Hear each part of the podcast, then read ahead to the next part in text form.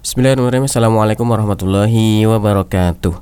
Alhamdulillahirrahmanirrahim Wassalatu wassalamu ala rasulillah Sahabat Quran di mana pun Anda berada Senang sekali masih menempatkan saya Ahmad Heru pada kesempatan kali ini Di Majelis Takon, Majelis Tanya Jawab dan Konsultasi Bersama saya Isom Abdul Qadir bin Abdul Aziz Sebagai narasumber kita pada kesempatan kali ini Dan juga ada pentarjim kita Ustadz Abdul Mujib Yang mana pada kesempatan kali ini Kita akan membahas Masih melanjutkan yang kemarin Tentang soal Bagaimana hukum arisan dengan skema mem yang memegang arisan mendapatkan potongan 30.000 setiap kali menerima uh, arisan sebagai uang lelah.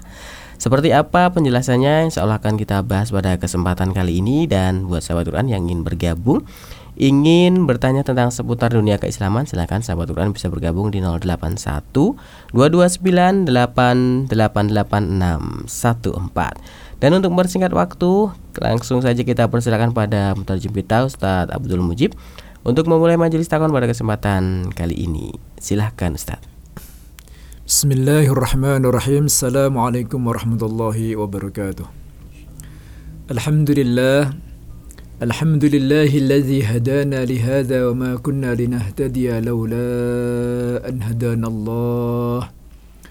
أشهد أن لا إله إلا الله وحده لا شريك له وأشهد أن محمدا عبده ورسوله اللهم صل وسلم وبارك على حبيبك ورسولك سيدنا ونبينا محمد وعلى آله وصحبه أجمعين Para pendengar Radio Iskarima sekalian yang berbahagia, Alhamdulillah kembali bersama kami dalam Majelis Takon bersama dengan Syekh Abdul Qadir Abdul Aziz sebagai narasumber dan saya Abdul Mujib Johar sebagai penerjemah. Masih melanjutkan pada pembahasan yang sebelumnya yaitu tentang hukum arisan ya, tentang hukum arisan dan tentang hukum mengambil ya uh, presentasi tertentu dari orang yang mendapatkan arisan tersebut untuk biaya uh, sebagai uh, untuk biaya atau untuk sebagai upah kepada penyelenggara acara arisan tersebut. فمنزل فما زلنا نتكلم في العرف في اجتماعنا في مجتمعنا يعني التعاون والتعاون الاجتماعي يعني مجموعة من الأشخاص مجموعة من الأخوة يجمعون مبلغا ثم يعمل فيه القرعة فمن خرج منه اسمه فهو ينال النصيب المبلغ المعين. ثم يؤخذ من ذلك المبلغ القدرة القدر المعين لأجل الأجرة على يعني الذي يعني يعقد هذه البرامج. جزاكم الله خيرا على حسن الجواب. بسم الله الرحمن السلام عليكم ورحمة الله وبركاته. بسم الله الرحمن الرحيم. الحمد لله رب العالمين والصلاة والسلام على أشرف الخلق وأطهرهم وأزكاهم محمد بن عبد الله صلى الله عليه وسلم. الرحمة المهداة والنعمة المسداة والسراج المنير البشير والنذير. اللهم أحينا على سنته وأمتنا على ملته وارزقنا شفاعته ورفقنا صحبته في الفردوس الأعلى. ومتعنا بلذة النظر إلى وجهك الكريم. اللهم آمين يا رب العالمين. اللهم سلمني وسلم مني. اللهم سلمني وسلم مني. اللهم سلمني وسلم مني. أما بعد. وكنا قد تكلمنا في هذه المسألة. وقلنا أن هذه المسألة عند العلماء تسمى بجمعية الموظفين. تذكر في بعض الكتب من الكتب الحديثة التي جاءت في كتب الفقه المستحدثة. بقولهم جمعية الموظفين. ذلك على اعتبار أنها تقوم باعتبار جمع المال من مجموعة من الموظفين وخاصة هذا الذين يعملون في العمل الحكومي أو الذين يعملون عملا. تكون مجموعة تعمل في مكان واحد فهؤلاء يسموا موظفين. فيقومون بجمع المال بعضهم من بعض وهذا الجمع يسمى بالجمعية. وقيل أن كلمة جمعية هذه مأخوذة هي كلمة قديمة وليست كلمة حديثة فهي مأخوذة من الجمعة. والجمعة كما جاء في حديث أو جاء عن امرأة على عهد رسول الله صلى الله عليه وسلم تقول كنا نجمع المال كنا نجمع المال في كل يوم جمعة. يجمعون المال في كل يوم جمعة فيعطونه لواحدا منهم يعني يجمعونه في كل يوم جمعة ثم يعطونه إلى واحد منهم ثم تأتي الجمعة القادمة فيجمعونه فيعطوه لواحد آخر فيجمعونه فيعطيه لواحد آخر. وكان ذلك على عهد رسول الله صلى الله عليه وسلم. ولم ينكر ذلك عليهم النبي صلى الله عليه وسلم. معنى ذلك أن النبي صلى الله عليه وسلم علم بذلك وسكت عليه. والمسكوت عليه عند النبي صلى الله عليه وسلم دليل على الجواز. إذا سكت النبي صلى الله عليه وسلم إذا رأى شيئا أو علم بشيء ولم يبين النبي صلى الله عليه وسلم الحكم فيه فهذا يدل على جوازه. ولذلك سموا هذا بالجمعية أي مأخوذة من الجمع أي الجمعة كما سموها كانت تسمى في كتب الفقهاء القدامى باسم الجمعة.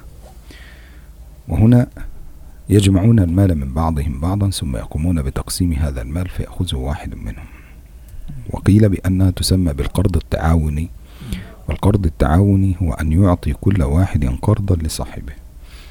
على اعتبار أن كل واحد منهم يعين صاحبه على قضاء حاجته على سبيل القرض الحسن وليس القرض الذي جر منفعة. وهذا مثال واضح في ذلك. فأول واحد يكون مقترض. يعني أول واحد من هؤلاء يكون مقترض. أول واحد يأخذ هذه الجمعية هو مقترض من العشرة. لو كان عددهم عشرة فهو مقترض من العشرة. أخذ من أستاذ عبد المجيب آه، مئة ألف وأخذ من هرو آه، مئة أخذ من مئة أخذ من أحد الأساتذة أيضا مئة. يبقى إذا أخذ المبلغ الذي يريده كله مئة مئة مئة مئة هكذا. فبالتالي جمع ماله كله من عشرة أفراد. إذا هو مقترض من عشرة. رقم واحد هذا مقترض من عشرة. طيب رقم اثنين هذا مقرض ومقترض. مقرض ومقترض. أما رقم اثنين فمقرض ومقترض. مقرض للأول يعني أعطى للأول وأخذ من الثالث والرابع والخامس والسادس. هكذا. فرقم ثلاثة مقرض ومقترض أيضا. مقرض للأول والثاني ومقترض من الث... من الرابع والخامس والسادس والسابع. إذا هو مقرض لمن قبله ومقترض ممن بعده. ولذلك سموه هذا بالقرض التعاوني. وقد اختلف الفقهاء في أحكام أو في صور هذا. ذكرنا الصور بعد ذلك وذكرنا أن الصور له أربع صور قلنا منها جائز ومنها محرم. فأما الجائز منها أو الصورة الجائزة في هذه الصورة أن يقوموا على جمع المال لأن له أربع صور الصورة الأولى أن يقوم مجموعة من الناس على جمع المال وإعطائه إلى واحد. بدون أن يكون بينهم شروط. يعني بدون أن يكون بينهم أي شروط نهائية. نقوم بجمع المال هكذا. يأخذه الأول ثم الثاني ثم الثالث ثم الرابع ثم الخامس. من تأتي القرعة؟ من تأتي قرعته؟ خلاص يأخذ المال وخلاص انتهت هذه القضية. هذه صورة الصورة الثانية. وهي أن يأخذ أن يأخذ أحدهم المال يعني يأخذ الأول المال يقوم مجموعة من الناس بجمع المال ثم يأخذ الثاني أي يأخذ الأول مثلا هذا المال. لكن لا يجوز لأحد أن يخرج من هذه المجموعة حتى ينتهي العشرة. لا يجوز لأحد أن يخرج من هذه المجموعة حتى ينتهي العشرة. وبالتالي في هذه الحالة هذا اتفاق بينهم وهذا الاتفاق فيه خلاف بين الفقهاء. الأمر الثالث أو الصورة الثالثة. يتفق جميعا على مبلغ من المال أي يجمعوا مبلغ من المال يجمع مبلغا من المال ويأخذ واحد أو اثنين أو ثلاثة ثم بعد ذلك الذي يريد أن يخرج يعني لو أراد العاشر مثلا لو دفع إلى تسعة قبله ثم أراد أن يخرج فلا يأخذ شيئا. يترك ما دفعه قبل ذلك. يبقى إذن لو كان الخامس مثلا دفع للأول والثاني والثالث والرابع ثم جاء الخامس قال أنا أريد أن أخرج خلاص لا أريد أن أكمل المسألة هذه.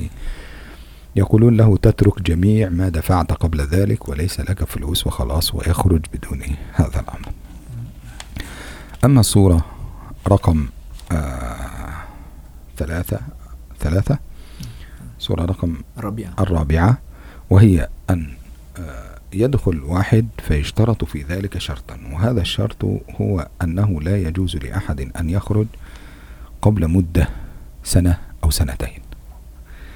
يعني لا يجوز لأحد أن يخرج قبل مدة دورة أو دورتين. ما معنى دورة أو دورتين؟ يعني نحن سنفعل هذه الدورة نحن عشرة خلاص؟ فنبدأ في العشرة هذه لا يجوز لأحد أن يخرج حتى يدخل مرة ثانية. يبقى ليس عشرة أشهر. يعني ليس العشرة أشهر لا. إذا كان عددهم عشرة سيكونون عشرين شهر.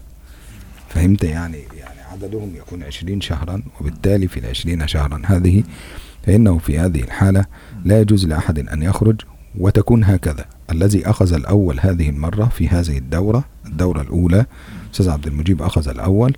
في الدورة الثانية أستاذ عبد المجيب يأخذ الأخير. فيكون رقم واحد في الأولى هو العاشر في الثانية ورقم عشرة في الأولى هو الأول في الدورة الثانية هكذا. يبقى إذا اشترط أن تدور القرض يدور دورتين هذا يأخذ الأول فيكون رقم واحد هو رقم عشرة في المرة الثانية رقم عشرة في المرة الأولى يكون هو رقم واحد في المرة الثانية فتسعة في المرة الأولى يكون اثنين في الثانية وهكذا يأتي العد تنازليا Baik, sekedar untuk mengingat kembali apa yang sudah telah kita sampaikan pada pertemuan sebelumnya, yaitu yang pertama uh, tradisi ini, tradisi di masyarakat kita yang dikenal dengan nama tradisi arisan ini dalam istilah fikih modern dikenal dengan namanya jam'iyatul muwazzafin, ya, jam'iyatul muwazzafin. Jam'iyatul muwazzafin kata-kata jam'iyah ini diambil dari kata-kata jama' jam'ul fulus ya jam'ul mablagh mengumpulkan uang ya ada juga ada juga mengatakan diambil dari kata-kata Jumu'ah hari Jum'ah ya karena acara arisannya ini diadakan pada hari Jumatnya. Kemudian istilah jam'iyah ini bukan istilah baru, ya, ini adalah istilah lama dan ini pernah dipraktekkan dulu pada zaman Rasulullah Sallallahu Alaihi Wasallam. Diriwayatkan dari Aisyah bahwasanya beliau mengatakan kita mengumpulkan uang pada hari Jumat ya kemudian kita memberikannya ya kepada orang di antara kita ya yang membutuhkan ya. Kemudian Rasulullah Sallallahu Alaihi Wasallam tidak mengingkari demikian. Ya. Maka apa-apa yang tidak diingkari atau apa-apa yang didiamkan oleh Rasulullah Sallallahu Alaihi Wasallam di depan beliau, maka itu menunjukkan kebolehan. Ya, karena kalau tidak boleh, tentu beliau akan melarangnya, tentu beliau akan mengingkarinya. Tapi karena beliau tidak mengingkari, maka ini menunjukkan kebolehan. Kemudian juga dinamakan qordut ta'awuni ya, qordut ta'awun. Ya, qordut ta'awun. Qordut ta'awun di sini ta'awun uh, ta'awun tanpa ada ini, tanpa ada riba ya. Ta'awun uh, qordul ihsan, qordul hasan. Ya, istilah qordul hasan, qordut ta'awun tapi qordunnya qordun hasan. Tidak ada tidak ada tambahan ya, tidak ada tambahan yang bisa mencemari atau yang bisa eh, berakibat kepada jatuh kepada hukum riba. Nah, orang yang pertama mendapatkan ini dinamakan dengan muktarid ya, muktarid, orang yang berhutang ya. Kalau seandainya ada 10 orang anggota arisan tersebut, maka dia berhutang kepada 10 orang ya. Ini orang yang pertama, dia statusnya sebagai orang yang berhutang. Kemudian yang kedua, dia mukrid dan muktarid ya, dia mukrid dan muktarid ya, dia mempiutangi sekaligus dia juga berhutang. Ya, dia mempiutangi orang yang mendapatkan yang pertama kali, kemudian dia berhutang kepada uh, delapan orang di belakangnya. Ya. kemudian prakteknya ada empat praktek dalam hal ini. Ya, ada yang boleh dan ada yang haram. Yang pertama praktek yang pertama adalah tanpa syarat, ya, tanpa syarat. Jadi ada sekumpulan orang mereka mengadakan kesepakatan untuk mengadakan arisan, kemudian siapa pun namanya yang keluar dari undian tersebut dialah yang akan mendapatkan uangnya ya tanpa syarat itu. Pokoknya asal keluar dari arisan ya keluar dari undian dia langsung berhak untuk mendapatkan uang tersebut ya. Kemudian yang kedua yaitu uh, uh, praktek yang kedua yaitu salah syaratnya adalah tidak boleh keluar ya tidak boleh keluar sampai selesai masa arisan tersebut. Sampai arisannya satu tahun misalkan ya dia tidak boleh tidak boleh ada salah seorang anggota pun dari anggota arisan tersebut keluar dari arisan tersebut sampai selesai ya masa arisannya ya Kemudian yang ketiga, gambaran yang ketiga adalah siapa pun yang keluar, ya siapa pun yang keluar dari arisan tersebut, dari keanggotaan arisan tersebut, maka apa yang telah dia setorkan itu hilang. Ya, dia tidak mendapatkan. Misalkan gini, uh, arisan baru berjalan tiga bulan, kemudian uh, orang yang kelima ini mengatakan ah enggak sudah sudah mengundurkan diri, saya tidak akan ikut arisan lagi, saya tidak aktif lagi. Ya, maka dia keluar, ya, terus terus kemudian tidak mendapatkan apa-apa yang telah dia setorkan. Nah, ini dia setorkan itu dia dianggap hilang begitu ya. Itu kesepakatan di antara mereka. Kemudian yang gambaran yang keempat adalah ya setiap anggota daripada anggota arisan tersebut ya dia tidak boleh keluar sampai diadakan pada arisan periode kedua ya misalkan ini ini satu periode satu periode pertama ini waktunya uh, satu tahun ya ada 12 orang ya kemudian di uh, koclok itu hmm, ininya dikoclok setiap bulan Kemudian ketika selesai, ya, setelah selesai satu tahun, seluruh anggota semuanya mendapatkan, tidak boleh ada anggota yang keluar sampai diadakan arisan pada periode yang kedua. Ya. Kemudian orang yang mendapatkan arisan pertama kali pada periode pertama, dia akan mendapatkan arisan pada yang terakhir. Ya misalkan dia mendapatkan pertama kali ya dia eh, yang terakhir kemudian itu adalah urutan yang ke-10 ya. Maka di periode yang kedua itu dia mendapatkan urusan yang urutan yang ke-10 kemudian misalkan pada periode pertama dia mendapatkan eh, pada urutan ke-9 maka dia akan mendapatkan pada kedua pada periode kedua tersebut dia akan mendapatkan urutan yang kedua ya. Demikian seterusnya أما بالنسبة إلى هذه الصور فالصورة الأولى وهي أن يكون بينهم اتفاق على أن يكون أحدهم يأخذ المال هذا أو الصورة الأولى والثانية هي أن يكون بينهم اتفاق على أن يأخذ أحدهم المال. لكن في الصورة الأولى تختلف عن الثانية في أن الأولى لا يوجد بينهم اتفاق. يعني لا يوجد بينهم شرط على الذي يريد أن يدخل يدخل والذي يريد أن يخرج يخرج. يعني إذا أراد أحدهم أن يخرج في خلال العشرة خلاص يجوز له أن يخرج خلاص لا بأس. لو أراد أن يخرج يخرج. هذا لا يوجد بينهم شرط. أما في الصورة الثانية هي مثل الأولى لكن بينهم شرط بأنه لا يجوز أن يخرج أحدا من هذا الأمر حتى تنتهي مدة العشرة. والصورتين قد اختلف الفقهاء في حكمهما. اختلفوا في حكمهما على قولين. القول الأول وهو القائل بالجواز. وهذا الذي عليه حقيقة كثير من الفقهاء. هذا الذي عليه كثير من الفقهاء منهم كذلك الشيخ ابن عثيمين والشيخ ابن باز حينما سئل عن ذلك فقال هذا جائز لا بأس به. كذلك من الذين أفتوا بجواز هذه الصورة اللجنة الدائمة للإفتاء اللجنة الدائمة للإفتاء بالمملكة العربية السعودية. وكذلك هيئة كبار العلماء بالأزهر الشريف. وكذلك آه، مجمع البحوث الإسلامية. التابع للأزهر الشريف وكذلك دار الإفتاء المصرية. كل هذه آه، وكذلك دار الإفتاء في الأردن. كل هذه الدول قد أفتت بجواز هذه الأشياء. كذلك المجمع الفقهي الأوروبي قد أفتى بجواز هذه المعاملة. كل هؤلاء قالوا بجواز مثل هذه المعاملة لأنها من باب التعاون على البر والتقوى وليست من باب التعاون على الإثم والعدوان. فهذا من باب التعاون على البر والتقوى. وقد حدث ذلك على عهد النبي صلى الله عليه وسلم في قصة سلمان الفارسي حينما أمر النبي صلى الله عليه وسلم الناس أن يساعدوا سلمان الفارسي في أن يعتق نفسه فجمعوا المال وكذلك جاء عبد إلى النبي صلى الله عليه وسلم أو جاء مكاتب إلى النبي صلى الله عليه وسلم. وفي رواية جاء مكاتب إلى أبي بكر الصديق رضي الله عنه.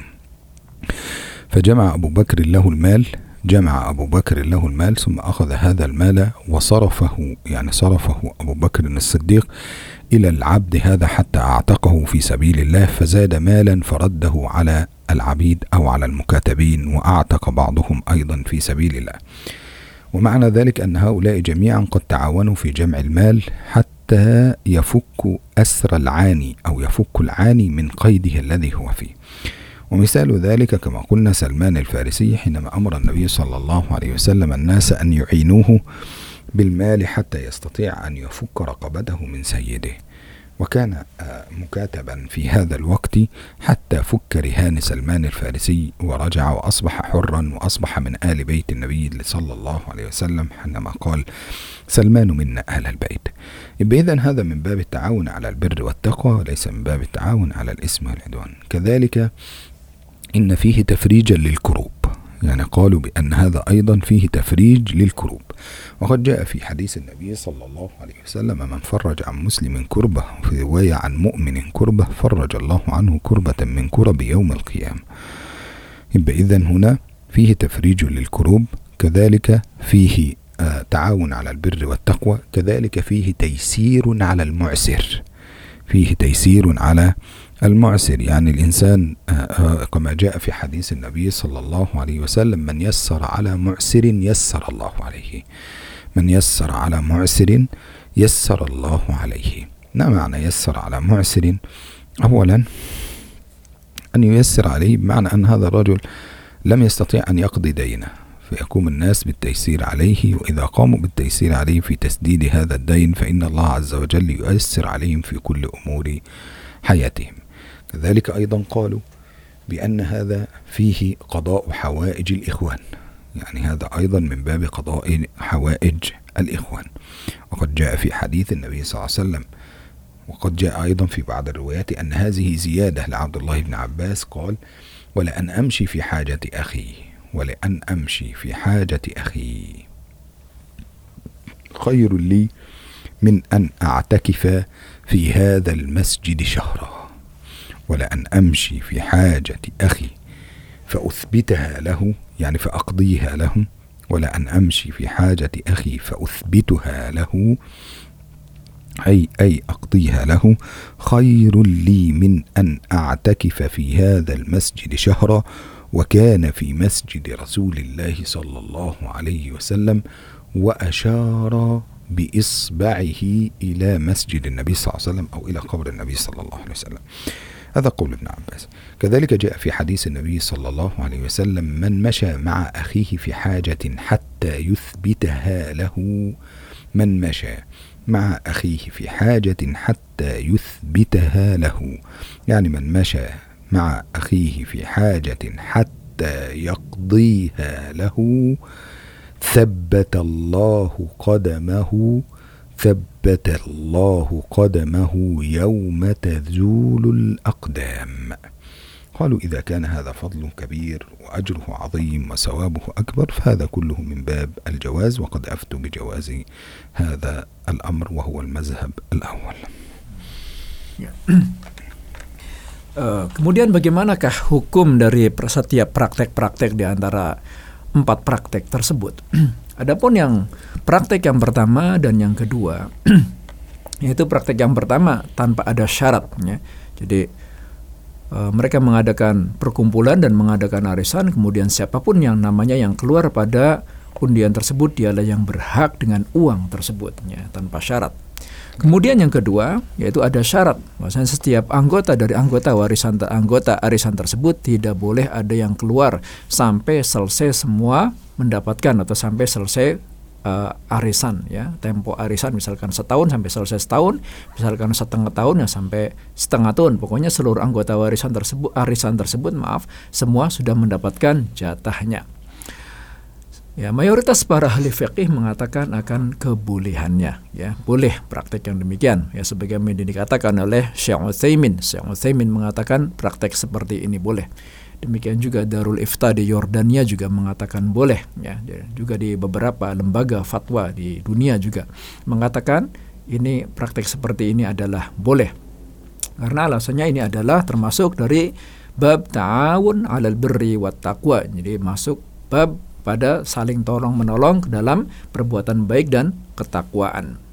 Dan kemudian ini juga termasuk tafrijul kurub ya, ini juga uh, menghilangkan kesulitan, menghilangkan kesusahan seorang muslim ya, menghilangkan kesusahan seorang muslim. Sebagaimana hadis Rasulullah sallallahu alaihi wasallam bersabda man farraja kurbatan an man faraja kurbatan min kurabid dunya man faraja an mu'minin kurbatan min kurabid dunya farajallahu eh, farajallahu kurbatan min kurabi yaumal qiyamah. Barang siapa yang melapangkan ya, melapangkan kesulitan seorang muslim dari kesulitan-kesulitan dunia, maka Allah akan lapangkan, akan Allah akan mudahkan baginya kesulitan-kesulitan nanti pada hari kiamat. Dan ini juga adalah bagian dari mempermudah seorang yang berhutang, ya, mempermudah bagi orang yang berhutang. Ya. Jadi orang yang dalam keadaan membutuhkan, kemudian dia uh, berhutang, ya, kemudian kita memberikan tempo pada orang berhutang tersebut dalam tempo tertentu, ya, maka ini adalah bab taisir, ya, taisir alal mu'sir mempermudah orang yang sedang sulitnya. Kemudian ini juga adalah membantu untuk apa? Untuk memperoleh ya, untuk melaksanakan hajat dari hajat saudara-saudara kita sesama sesama muslim ya. Sebagaimana Rasulullah sallallahu alaihi wasallam bersabda, "Wa li an amshi fi hajati akhi fa uthbitaha lahu khairun li min an a'takifa fi hadzal masjid syahran" ya. Beliau uh, Ibnu uh, Utsman عثمان عثمان بن عفان هذا هذا يقول wali an amshi Abdullah bin Abbas ya Abdullah bin Abbas mengatakan wali an amshi fi hajatin ya akh fi hajati akhi fa uthbita la fa uthbitaha lahu khairun li min an a'takifa fi hadzal masjid syahran Ibnu Abbas mengatakan ya saya berjalan dalam rangka untuk memperoleh untuk membantu ya, memenuhi hajat dari hajat saudaraku seorang hamba mukmin seorang hamba muslim itu lebih baik bagiku daripada saya yang antikaf di masjid ini selama sebulan penuh sambil beliau menunjukkan kepada Masjid Nabawi ya. Kemudian juga Rasulullah sallallahu alaihi wasallam bersabda, "Man masya ma'akhihi fi hajatin hatta yuqdiyaha lahu, sabbatallahu lahu wa sabbatallahu lahu qadamahu yauma tazulul aqdam." Ya. Man ma, man masya ma'akhihi, barang siapa yang berjalan bersama saudaranya fi hajati fi hajatihi fi hajatin ya dalam rangka untuk membantu hajat memenuhi hajat dari hajat saudaranya tersebut hatta yuqdiyaha lahu kemudian dia terpenuhi hajatnya sabbatallahu lahu qadamahu maka akan Allah perkokoh telapak kakinya akan Allah kokohkan kakinya yauma tazulul aqdam pada hari di mana kaki-kaki terpeleset ya. Baik.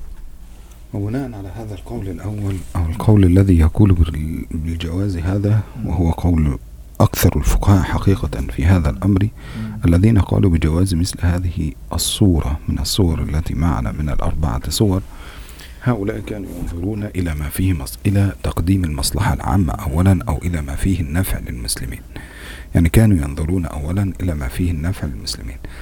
فكانوا ينظرون أن الإنسان إذا كان في ضائقة مالية يعني هذا وأن هذه الأشياء من أخلاق الإسلام. يعني هذه الأشياء نوع من أخلاق الإسلام. جعل النبي صلى الله عليه وسلم أن فك العاني هذا نوع من أخلاق الإسلام.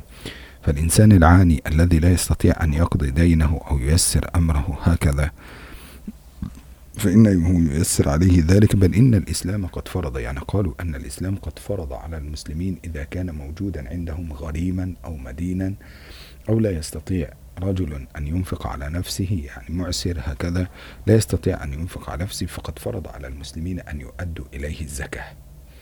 بل إن الإسلام قد أسقط عنه الواجبات يعني الإسلام قد أسقط عنه الواجبات حتى ييسر عليه في أمره. فقال المدين المدين تسقط عليه الزكاة المدين تسقط عليه الزكاة والغريم تسقط عليه الزكاة والفقير ليس عليه زكاة. بل اشترطوا في ذلك أن يكون عنده المال الذي يكفيه إلى كل هذا. فإذا كان الإنسان ليس عنده ولا يستطيع فهل هذا من إعانة الإسلام إليه؟ هذا نوع من إعانة الإسلام لهذا الشخص الذي لم يستطيع أن يؤدي ما عليه. فإذا كان الشخص لا يستطيع أن يؤدي ما عليه فإنه في هذه الحالة تسقط عليه الواجبات. وبالتالي وجب إذا كان الإسلام نفسه يعني قالوا إذا كان الله عز وجل نفسه وهذا دليل بالعقل يعني هذا دليل عقلي وليس دليل نقلي. قالوا إذا كان الله عز وجل نفسه يعينه بإسقاط الدين من على ظهره فما بالك بنا نحن ونحن يعين بعضنا بعضا؟ وقد قال النبي صلى الله عليه وسلم المؤمن للمؤمن كالبنيان يشد بعضه بعضا.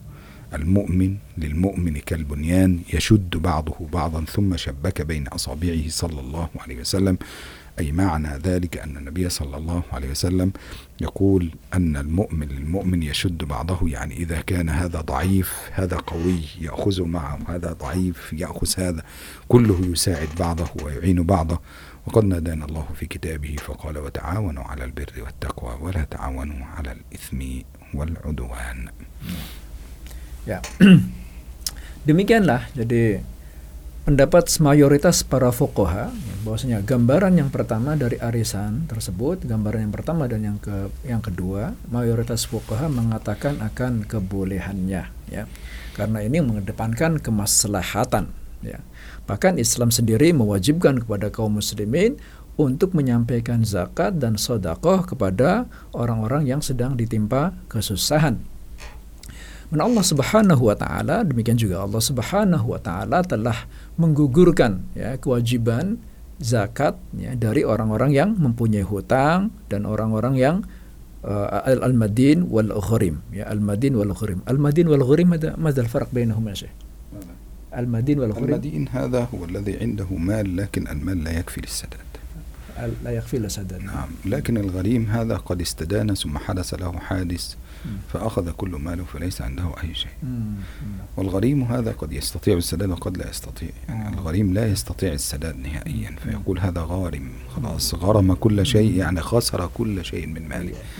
لكن المدين هذا قد يأخذ منك القرض لكن ليس معه فلوس أن يستدين. فهذا يستدين حتى يأخذ. لكن الغريم كان عنده مال ثم ضاع هذا المال كله فغرم كل شيء فخسر كل شيء. Jadi al-madin al-gharim. Al-madin al-gharim ini gugur kewajiban zakatnya. Ya. Apa bedanya antara al-madin al-gharim? Al-madin ini orang yang berhutang, ya, orang yang berhutang kemudian dia tidak bisa mengembalikan hutangnya karena memang dia tidak punya uang. Kemudian al-gharim ini dia juga orang yang sama berhutang, ya. Dia punya uang sebenarnya, tapi kemudian jatuh bangkrut, ya. Dia sama dia juga tidak bisa membayar hutang. Nah ini dari dua orang ini dari Al-Madin Al-Gharim ini Allah Subhanahu wa taala telah menggugurkan kewajiban zakat.